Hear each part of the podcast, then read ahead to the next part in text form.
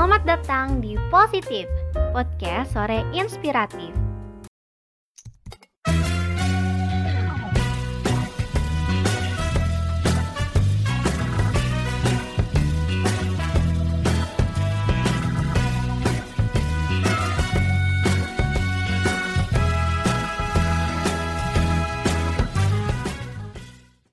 Sawadee konnichiwa, halo annyeonghaseyo Gimana nih kabarnya Salatif?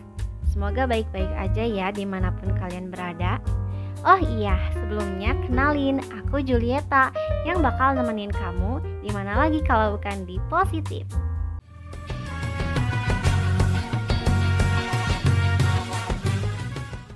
Kalau kalian ingat, aku pernah ngisi materi loh di episode 0 bareng Alma. Sekarang aku mau ngasih something new.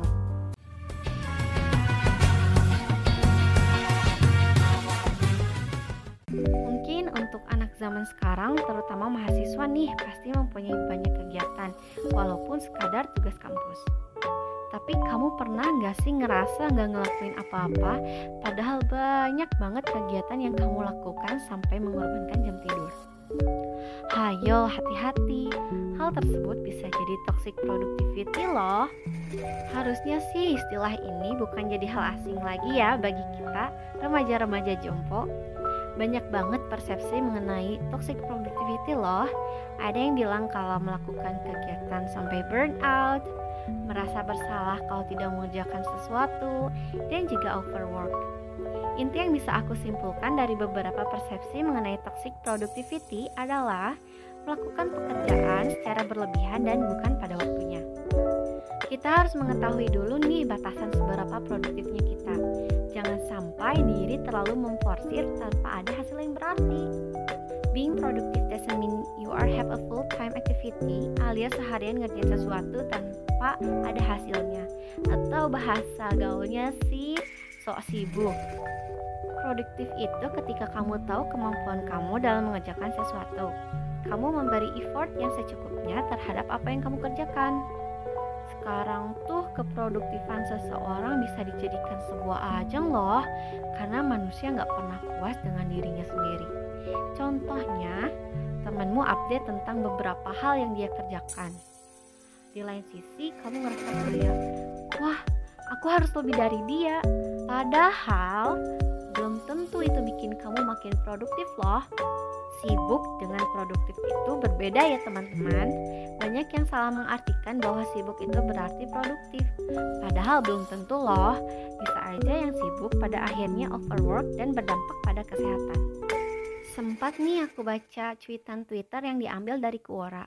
Gak secara gamblang menceritakan tentang toxic productivity, tapi contohnya relate banget. Beliau menceritakan bahwa nonton drakor, gaming, baca novel itu adalah kegiatan yang gak produktif sama sekali. Beliau juga menjelaskan bahwa waktu kerjanya hampir dua kali lipat dari orang normal. Katakanlah jika orang normal kerja satu hari itu 8 jam, berarti beliau hampir 16 jam.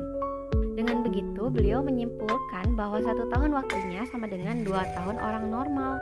Overwork jelas Produktif itu tahu waktunya dalam melakukan sesuatu.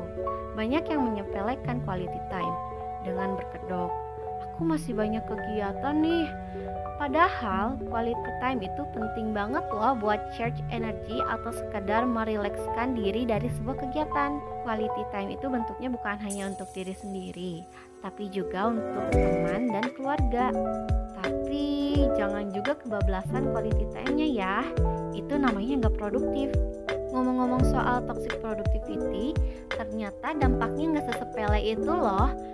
Bukan hanya secara fisik, tapi mental pun menjadi sasaran. Pada awalnya, kamu merasa kelelahan karena kegiatanmu tak kunjung selesai. Lama-lama, kamu bakal merasa stres sendiri. Kalau kamu mengerjakan sesuatu dengan dihantui rasa stres, artinya kamu tidak menikmati setiap prosesnya. Terlalu banyak aktivitas yang kamu lakukan juga bisa berdampak pada pola makan dan waktu tidur. Tubuhmu kekurangan asupan energi dan menyebabkan dehidrasi juga. Karena sekarang masih dalam keadaan pandemi, yang mana kegiatan beralih menjadi online, maka interaksi kita dengan sebuah alat komunikasi elektronik pun semakin sering. terlalu lama menatap layar monitor dengan alasan masih banyak pekerjaan yang harus diselesaikan pun bisa mengganggu kesehatan mata, apalagi cahaya radiasi yang dihasilkan. Aku punya beberapa tips nih buat kalian agar terhindar dari yang namanya toxic productivity. Pertama, kamu buat list dari kegiatan kamu.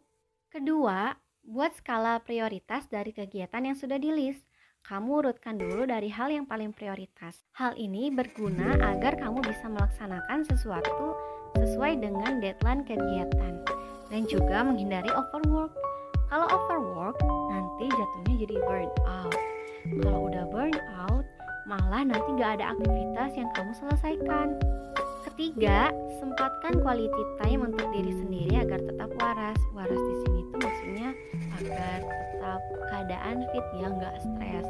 Karena kalau stres itu akan mengganggu aktivitas kamu yang lain. Keempat sediakan air putih agar tidak dehidrasi saat melakukan aktivitas.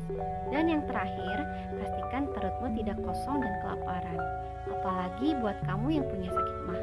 Bahaya banget tahu perlu diingatkan lagi produktif itu boleh, tapi kalau berlebihan itu tidak baik. Cukup lakukan aktivitas yang sesuai dengan kemampuanmu.